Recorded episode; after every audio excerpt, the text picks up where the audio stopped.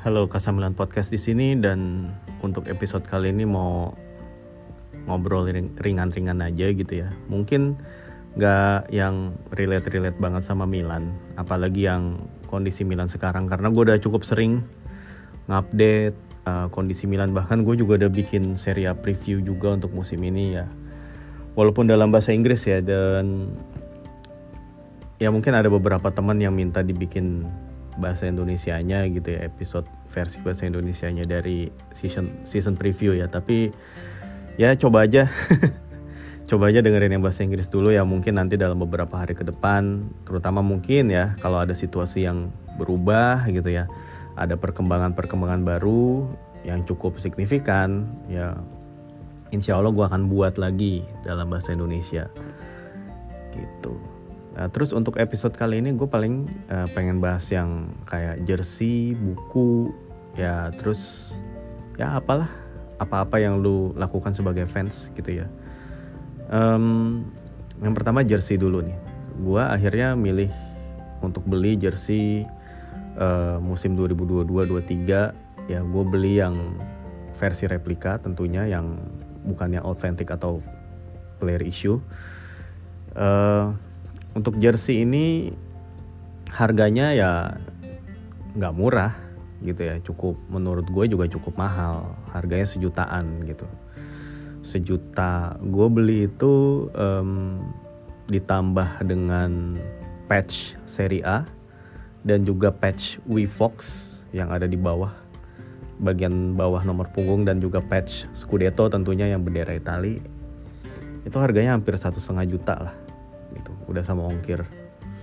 Jadi ini emang sebuah uh, belanja. Mungkin nggak nggak nggak melulu belanja sih ya. Gue bisa bilang ini sebagai investasi. Gue nggak apa ya karena gue nggak pakai ini jersey. Gue nggak pakai jersey ini untuk daily dan emang gue nggak mau pakai bahkan gue masih tetap nggak uh, cabut itu tagnya. Gitu. Karena ya gue emang bener-bener beli ini buat koleksi gue doang buat dipajang di lemari gitu ya. Dan ya gue nggak berniat untuk menjualnya juga sih. Untuk saat ini ya tapi kalau next time gitu ya next time uh, misalnya gue butuh uang gitu misalnya gitu ya semoga aja enggak sih. Ya bisa aja gue jual gitu. Dan pada saat gue jual gue yakin harganya akan tinggi. Karena lu perhatiin demand atau uh, tingkat permintaan orang-orang terhadap jersey Milan itu di Indonesia ya itu tinggi banget gitu.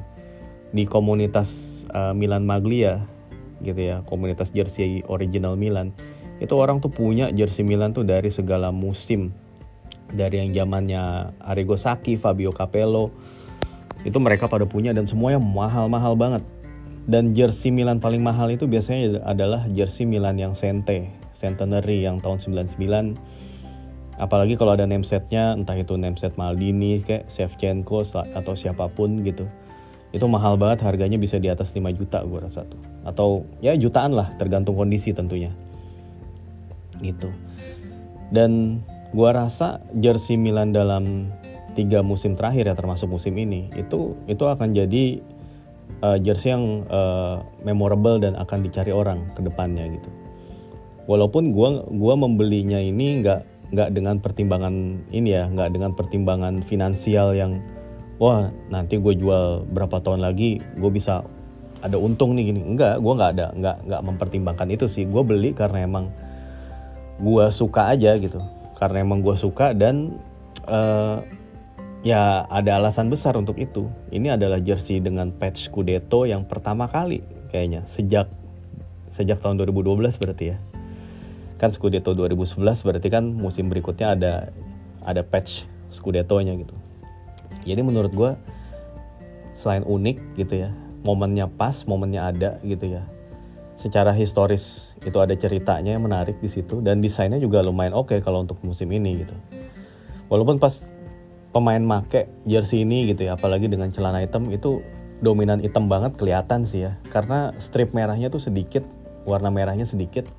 Jadi udah bener-bener kayak dominasi hitamnya terlalu banyak gitu. Ya it's okay lah gitu.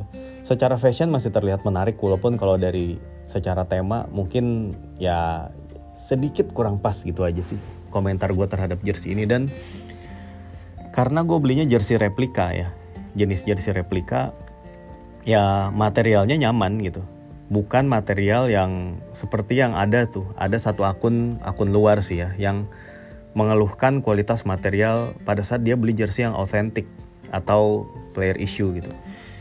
Jadi kan emang uh, jersey player issue itu agak beda bahannya dan dia itu ngerasa wah bahannya nggak enak banget dipakai kayak ada berasa kayak kayak ada kertasnya gitu berasa berasa pakai kertas gitu. Terus udah gitu kayak kok kualitas jahitannya kayak kurang rapi ya kurang oke okay gitu. Dia komplain gitu kan di Twitter waktu itu. Dan terus kemudian gue nggak mencoba untuk ini dong uh, maksudnya gue nggak yang telan mentah-mentah aja gitu komennya dia gitu. Gue pengen cari tahu gue explore apa ya bener begitu apa ya ada sudut pandang lain nggak gitu. Dan ternyata emang ada. Gue ketika ngelihat replyannya itu kan tweet cukup banyak di retweet dan di favoritin dan segala macam ya. Gue ngelihat di reply replyannya itu sepertinya ada komentar dari seorang kolektor gitu yang mana dia kemudian ngejelasin bahwa emang jersey authentic atau player issue itu emang bahannya tuh bisa kayak gitu gitu. Jadi ada beberapa pilihan bahan mungkin dan yang dipilih adalah bahan itu dan itu emang nyaman untuk pemain gitu seperti itu untuk main untuk uh, bergerak di lapangan dengan bahan dengan material seperti itu tuh bisa jadi pertimbangannya ya lebih ringan dan lebih nggak ngeganggu gitu ya. Ya gitulah pas sama badan gitu. Sampai terus kemudian Peter Morgan uh, orang marketingnya Milan itu juga kemudian menambahkan penjelasannya bahwa emang jersey otentik itu emang bahannya seperti itu bahwa dia cerita tuh dia dia dia dia hadiahin gitu. Jersey kalau nggak salah dia nge-tweet gitu deh. Gue juga rada-rada bingung loh. Kan lu kerja di situ tapi lu beli juga ternyata gitu ya. Ya terus uh, ya udah um, ternyata emang bahan uh, jersey otentik atau player issue emang tuh beda dengan yang replika yang mana itu dijual uh, untuk kalangan yang lebih banyak lah. Ya harganya juga lebih murah tapi bukan berarti kualitas bahannya juga jelek gitu ya justru kalau replika ini bahannya bahan biasa bahan kain kain biasa gitu yang nyaman gitu. Dan gue juga ngelihatnya seperti itu sih pada saat gue terima jersinya gitu. Bahannya oke gitu ya. Gue cepet cepet nyoba pakai sebentar terus gue lepas lagi gue pajang lagi gitu. Ya. Ya kayak gitulah um, soal jersey dan untuk musim lalu juga sebenarnya ada ceritanya soal jersey jadi uh, tadinya gue nggak suka tuh. Gue kurang suka lah desain jersey musim lalu ya. Sebaliknya kalau mus jersey musim 2002 uh, 2021 yang Milan Scudetto itu itu kan lebih didominasi warna merah ya ketimbang hitam ya. Uh, tapi gue nggak suka. Gue nggak suka dengan desainnya gitu. Jadi pas awal musim kemarin gue tuh nggak beli nggak langsung beli gitu. Gue kayak berharap ah udahlah uh, nanti aja musim kalau emang gue akan beli nanti aja pas musim kelar ya paling juga harganya juga akan turun gitu akan turun jauh gitu di diskon gitu ya. Kalau beli baru kan harganya juga sejutaan kalau nanti akhir musim di diskon gitu. Nah terus gue tiba-tiba kayak punya keyakinan nih pas udah sekitar awal akhir-akhir musim gitu ya. 5-6 pekan terakhir gitu ya sekitar segitulah tuh atau 4 pekan terakhir gue lupa. Dalam hati gue gue agak yakin kayaknya gue punya feeling Milan Scudetto nih musim ini nih musim 2020-21 nih. Dan kalau Milan Scudetto ini jersey akan menjadi uh, memorable dan akan punya cerita gitu. Jadi gue harus beli jersey ini kayaknya nih gitu. Gue nggak cerita sih gue nggak cerita di tweet gue nggak cerita di podcast yang nggak mungkin juga gue nyeritain sesuatu yang cuman berdasarkan perasaan doang gitu. Yang berdasarkan feeling pribadi gue doang gitu yang nggak ada basisnya namanya juga feeling kan. Tapi gue ngerasa gue harus beli nih kayaknya nih jersey nih. Gue harus buru-buru beli nih gitu. Dan gue tanya kan ke teman gue titip lawas kan emang gue biasa beli dari dia? gitu. Ada nggak nih jersey musim ini? Ya udah habis kata gitu. Udah sold out gua dia bilang gini dia cerita gua nih waktu itu beli uh, pada saat Milan menang derby. Ya Milan Milan menang derby uh, yang 21 itu langsung gue kasih namesetnya Jiru weh wah boleh. Bener juga lo gue bilang gitu. Bagus bagus. Gitu kan. Uh, sayangnya udah kosong nih sekarang kata dia. Stoknya nggak ada. Dan ada beberapa juga yang udah nanyain gitu nanyain ke gue stoknya gitu. Ya tapi udah habis gitu. Gue langsung waduh udah habis. Akhirnya gue cari-cari di seller-seller lain terus bahkan gue ke marketplace juga. Akhirnya dapet tuh. Di satu marketplace gue dapet gue chat dulu sama orangnya. Ya pokoknya gue bener-bener ngecek lah keasliannya segala macam dari testimoni-testimoni orang ngelihat ya track record si penjual lah. Dan pada akhirnya gue berkesimpulan oh ini emang original nih akhirnya gue tanya e, mas ini uh, stoknya masih banyak kak? Gitu. Terus dia bilang ya tinggal dikit kak gitu. Nggak nyampe 5 gitu. Ya biasa mungkin ya itu taktiknya seller aja ya kayak supaya lu beli gitu. Oh gitu. Mendingan pesan sekarang ntar ke kehabisan gitu kan kata dia gitu. Dan harganya harganya itu masih harga yang di bawah harga normal di bawah sejuta cukup jauh lah bedanya kalau gue nggak akan nge-spill berapa harganya tapi lumayan beda berapa ratus ribu gue bisa bilang. Dan wah ini harganya untuk barang original harganya bagus nih apalagi jersey juara nih kayaknya nih gitu kan. Ya udah tuh akhirnya setelah beberapa hari ya gue ngechat dulu orangnya. Pas beberapa hari kemudian gue tanya lagi mas ini masih ada nggak barangnya? Oh ya masih ada kok gitu. Gitu ya padahal waktu itu dia bilang udah mau habis gitu ya. Oh ternyata masih ada juga. Ya udah bagus lah gitu. Akhirnya gue beli gitu. Pas gue beli uh, eh, gue dapet tuh ya udah kan berapa lama kemudian uh, Milan beneran Scudetto kan. Dan pas Milan udah Scudetto beneran harganya langsung naik. Harganya balik lagi ke harga normal yang sejuta jadi emang Scudetto itu bisa mengubah harga jersey gitu ya. Kalau Milan gak Scudetto mungkin harganya bukannya naik malah turun. Mungkin jadi jadi gope harganya atau berapa. Di diskon jauh lah. Tapi karena Scudetto dan ini jadi punya momen jadi punya ada, ada historical value-nya yang lebih gitu. Akhirnya jadi naik lagi harganya. Gitu.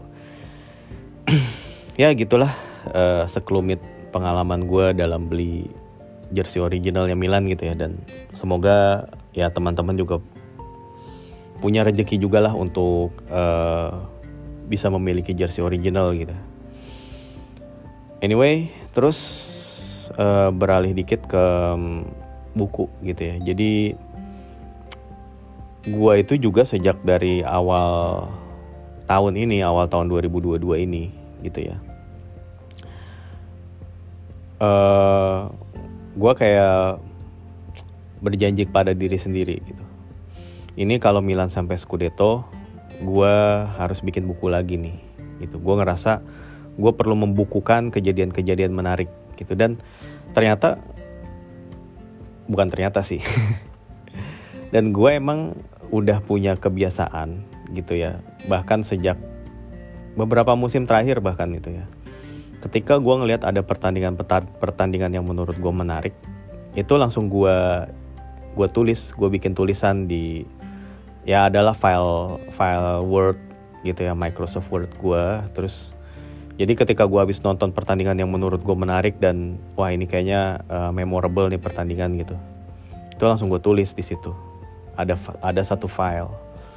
Gue tulis dan ketika gue lihat-lihat lagi gue baca-baca lagi tulisannya gitu kan hmm ternyata mungkin gue bisa nih membukukan ini gitu cuman gue gue juga bingung juga bertanya-tanya juga tapi momennya itu momen apa yang pas gitu. Ya momennya tentunya ya pada saat Milan memenangkan gelar, memenangkan sesuatu baru pas. Dan akhirnya ya sejak awal Januari ini gue mulai rajin ngumpulin. Gak tahu ya ini mungkin gue nggak ngerti apa gue punya feeling atau gimana atau punya firasat atau gimana tapi di beberapa game emang gue kayak nulis gitu.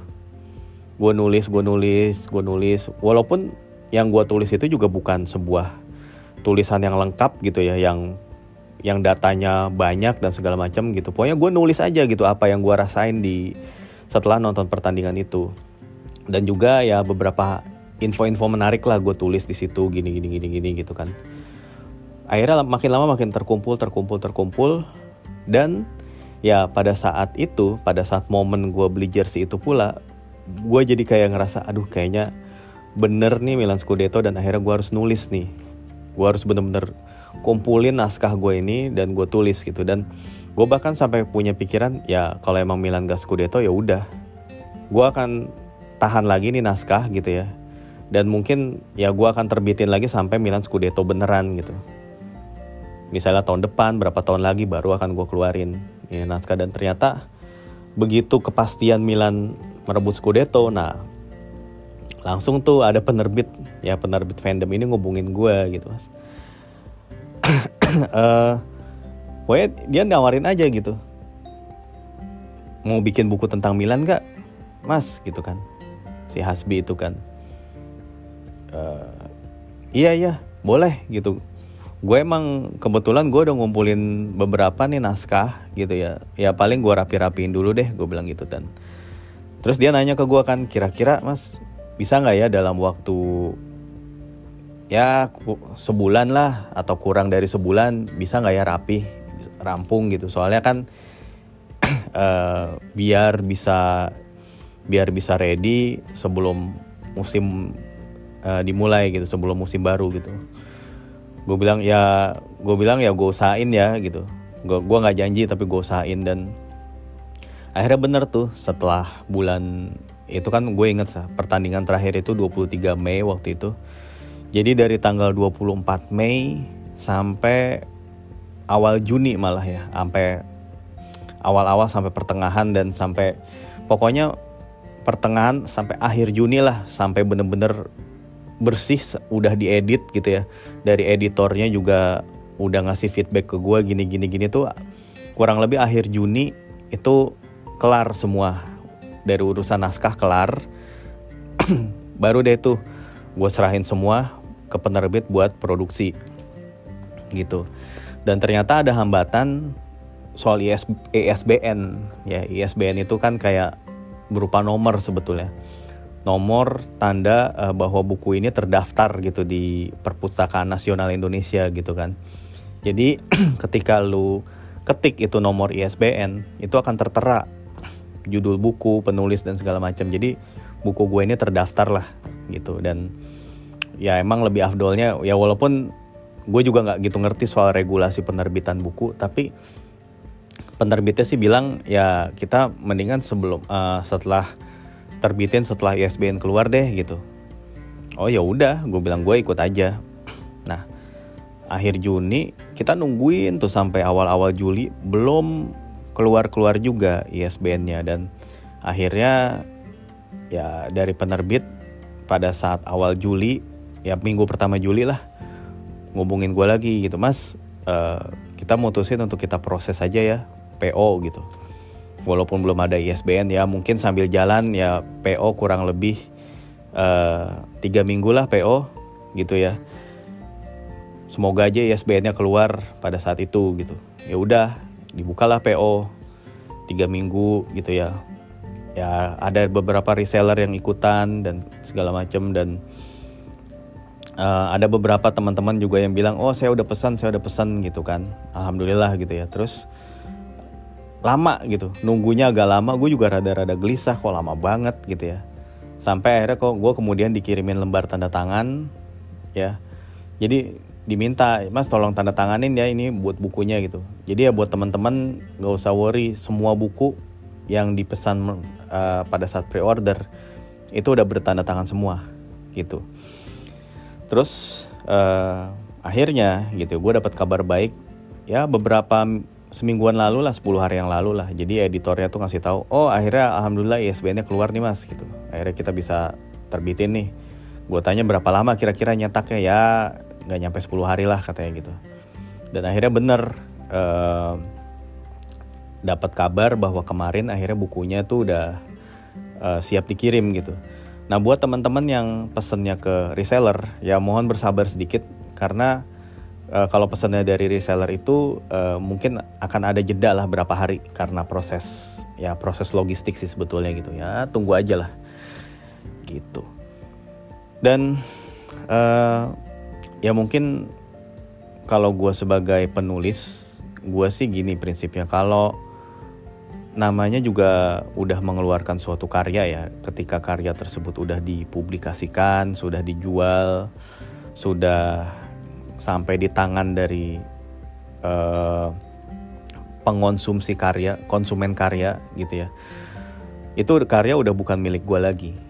Udah bukan punya gue jadi hak ekonomisnya itu udah ke tangan pembeli ke pemilik barang gitu.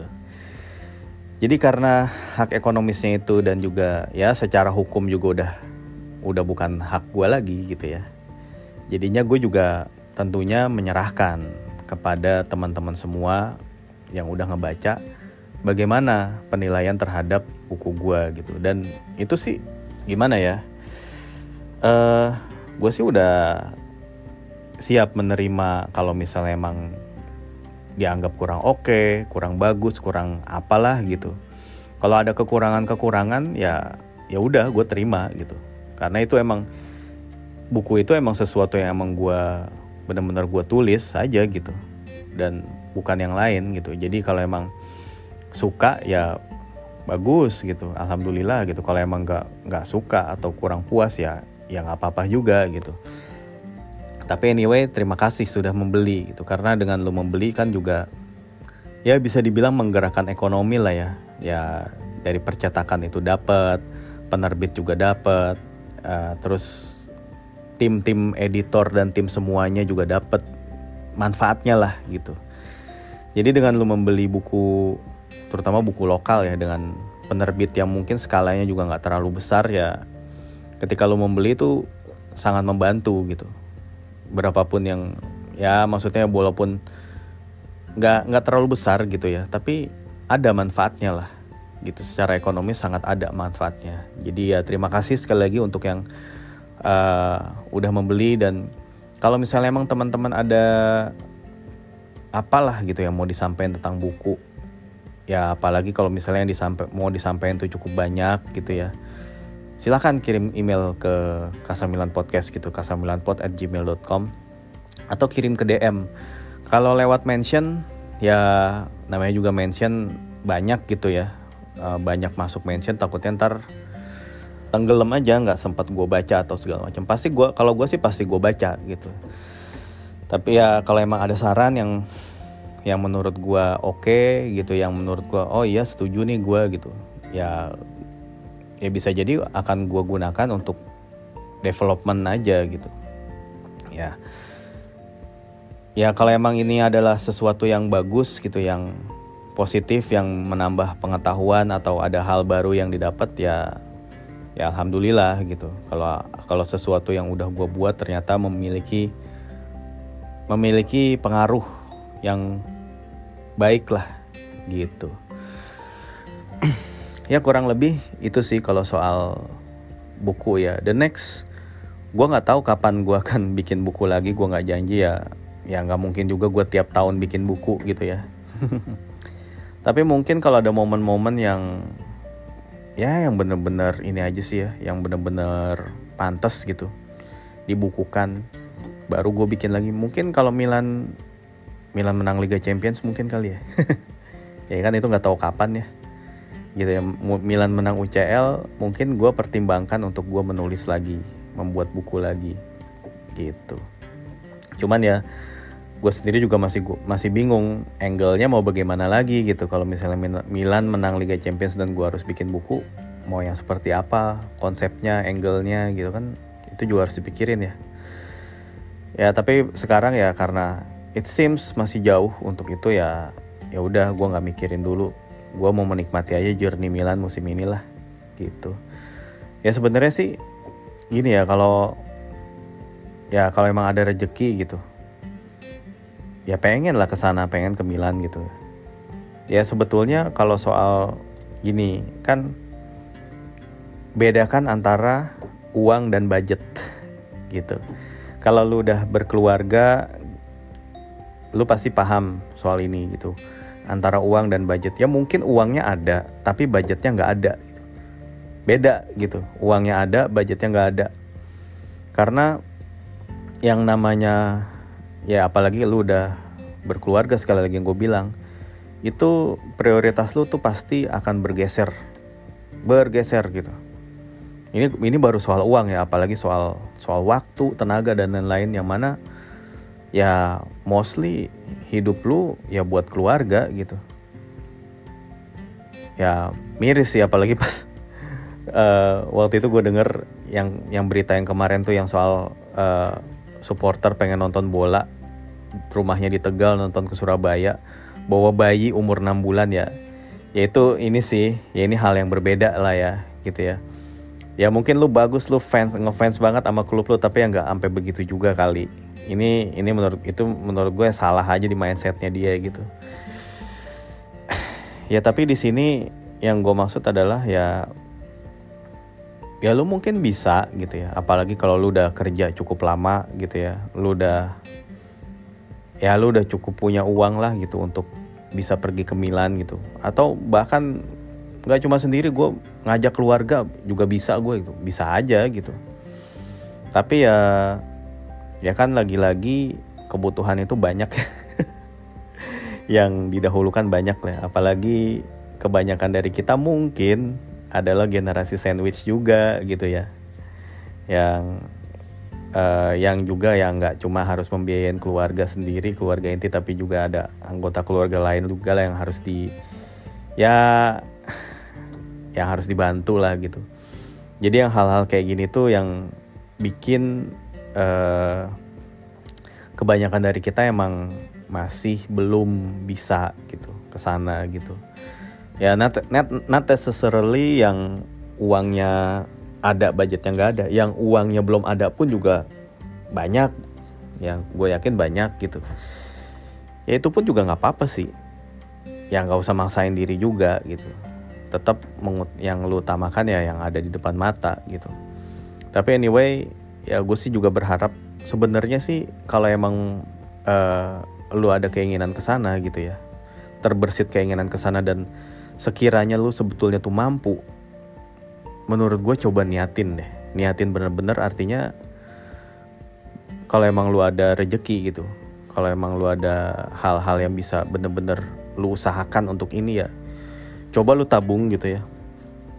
Lu tabungin lu sisihkan dari pendapatan lu gitu ya. Dan ini tentunya udah di ini benar-benar kebutuhan yang benar-benar ditaruh di paling bawah gitu ya.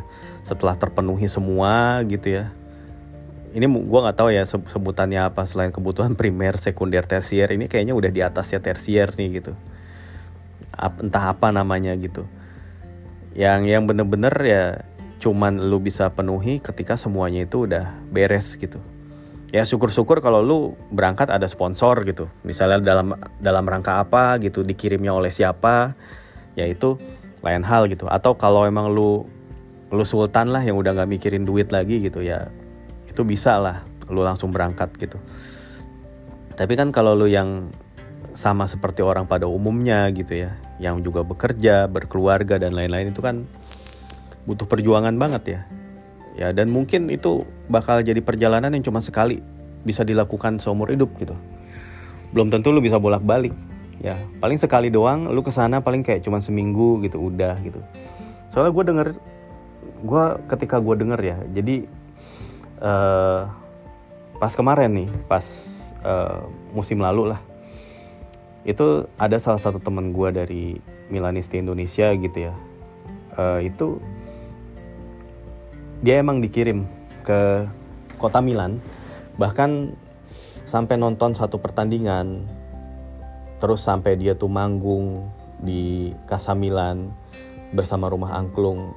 Wah gila. Itu adalah pengalaman yang menurut gue itu lo nggak bisa lupa sih itu keren banget menurut gue dan ya emang dia juga berangkat kan uh, karena emang uh, mengusung misi gitu. Memperkenalkan rumah angklung ke Milan gitu.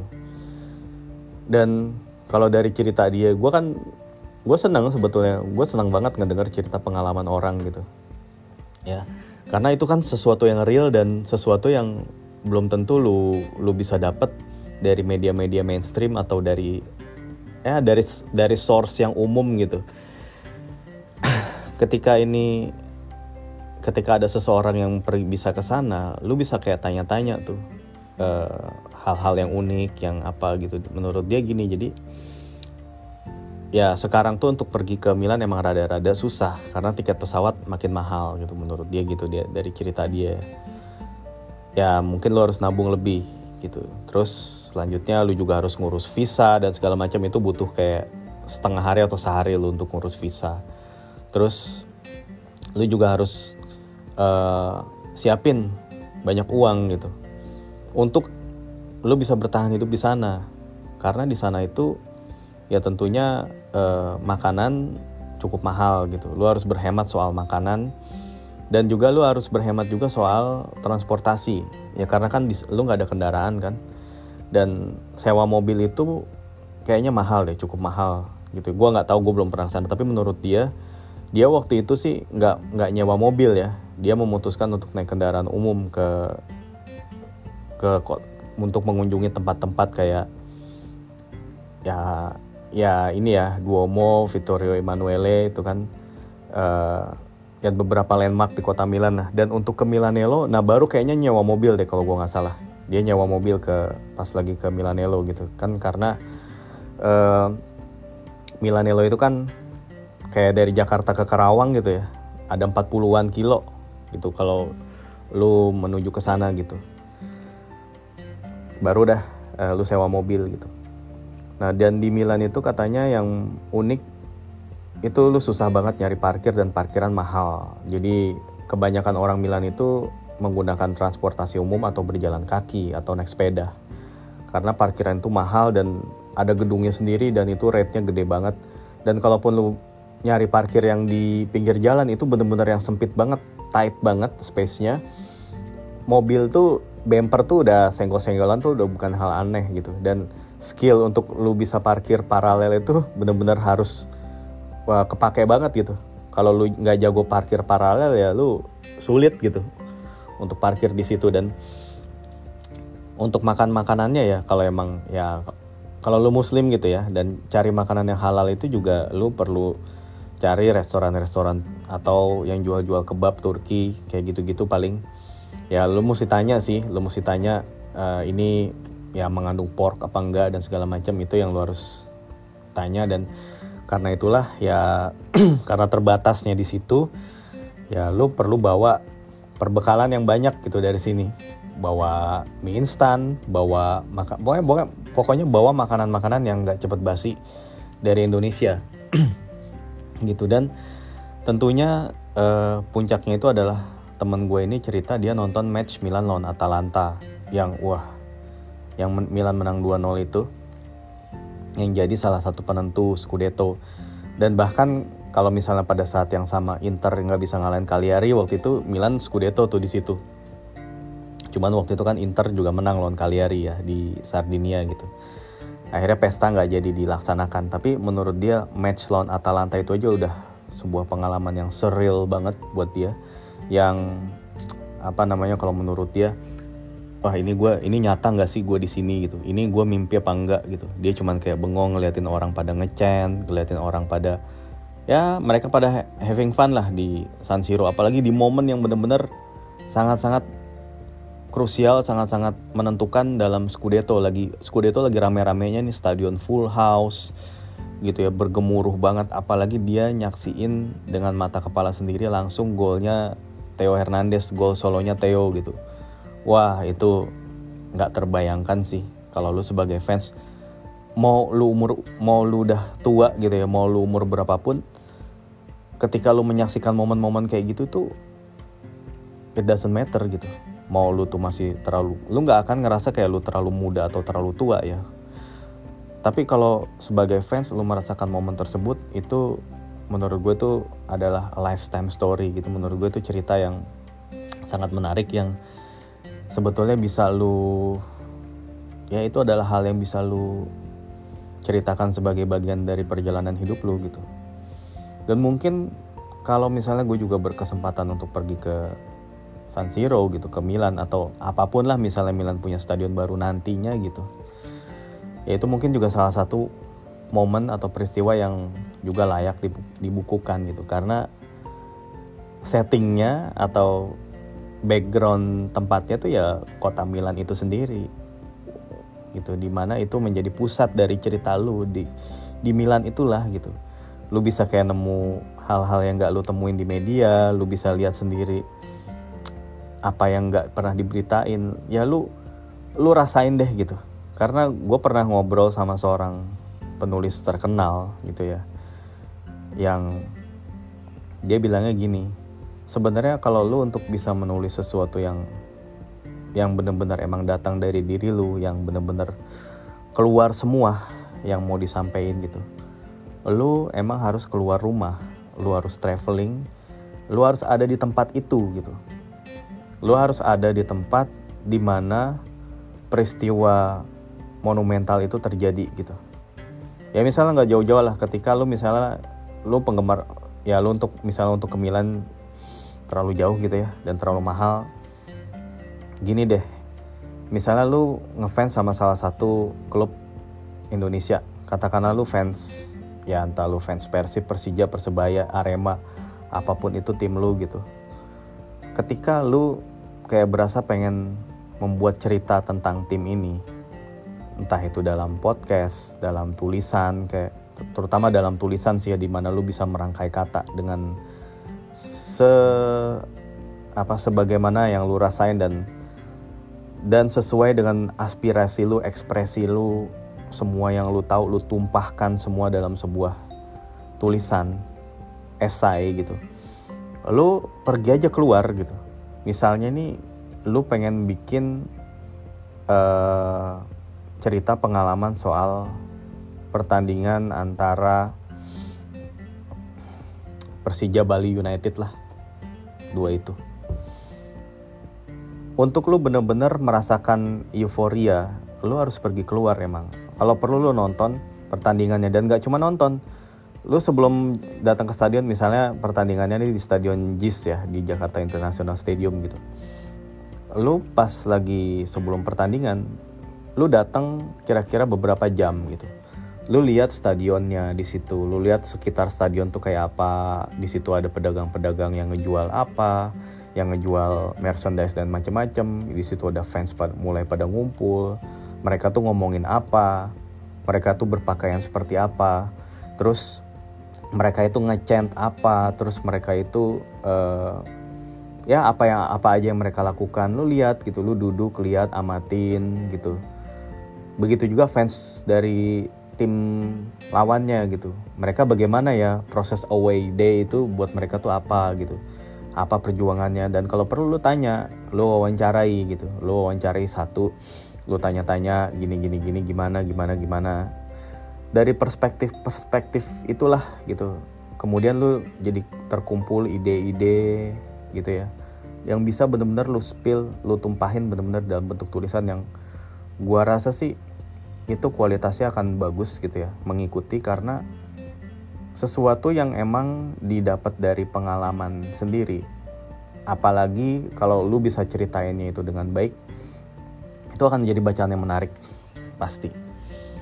Itu jadi sesuatu yang bisa dikonsumsi banyak orang yang itu akan bernilai gitu menurut gue ya jadi kalau suatu saat ada rezekinya ada budgetnya ya. Semoga bisa ke Milan sih.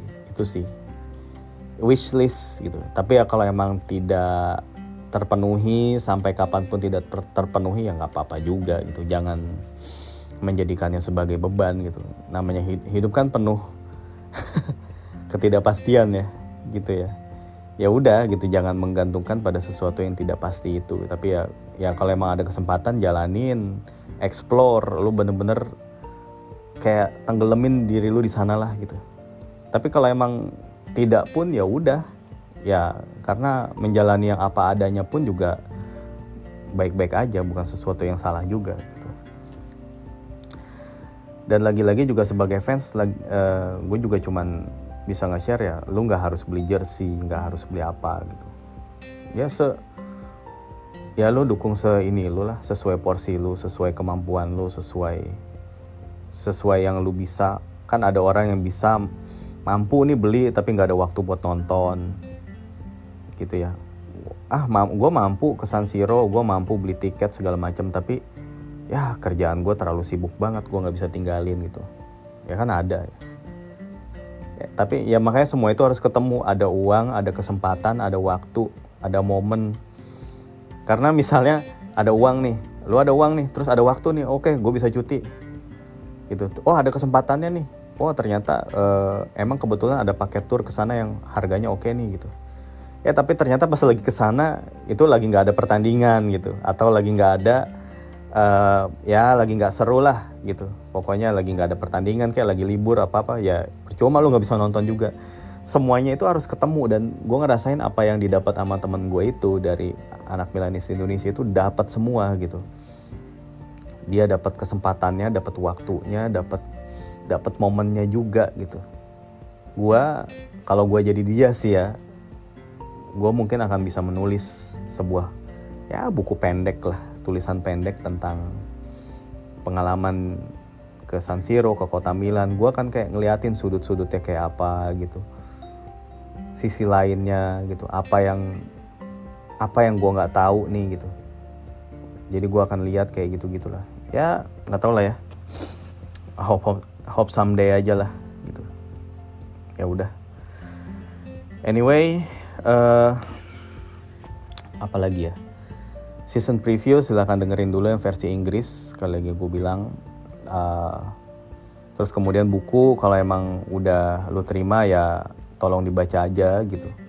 Tolong dikasih tahu gue langsung kalau ada sesuatu yang mau disampaikan uh, ya sorry kalau kurang berkenan aja lah gitu.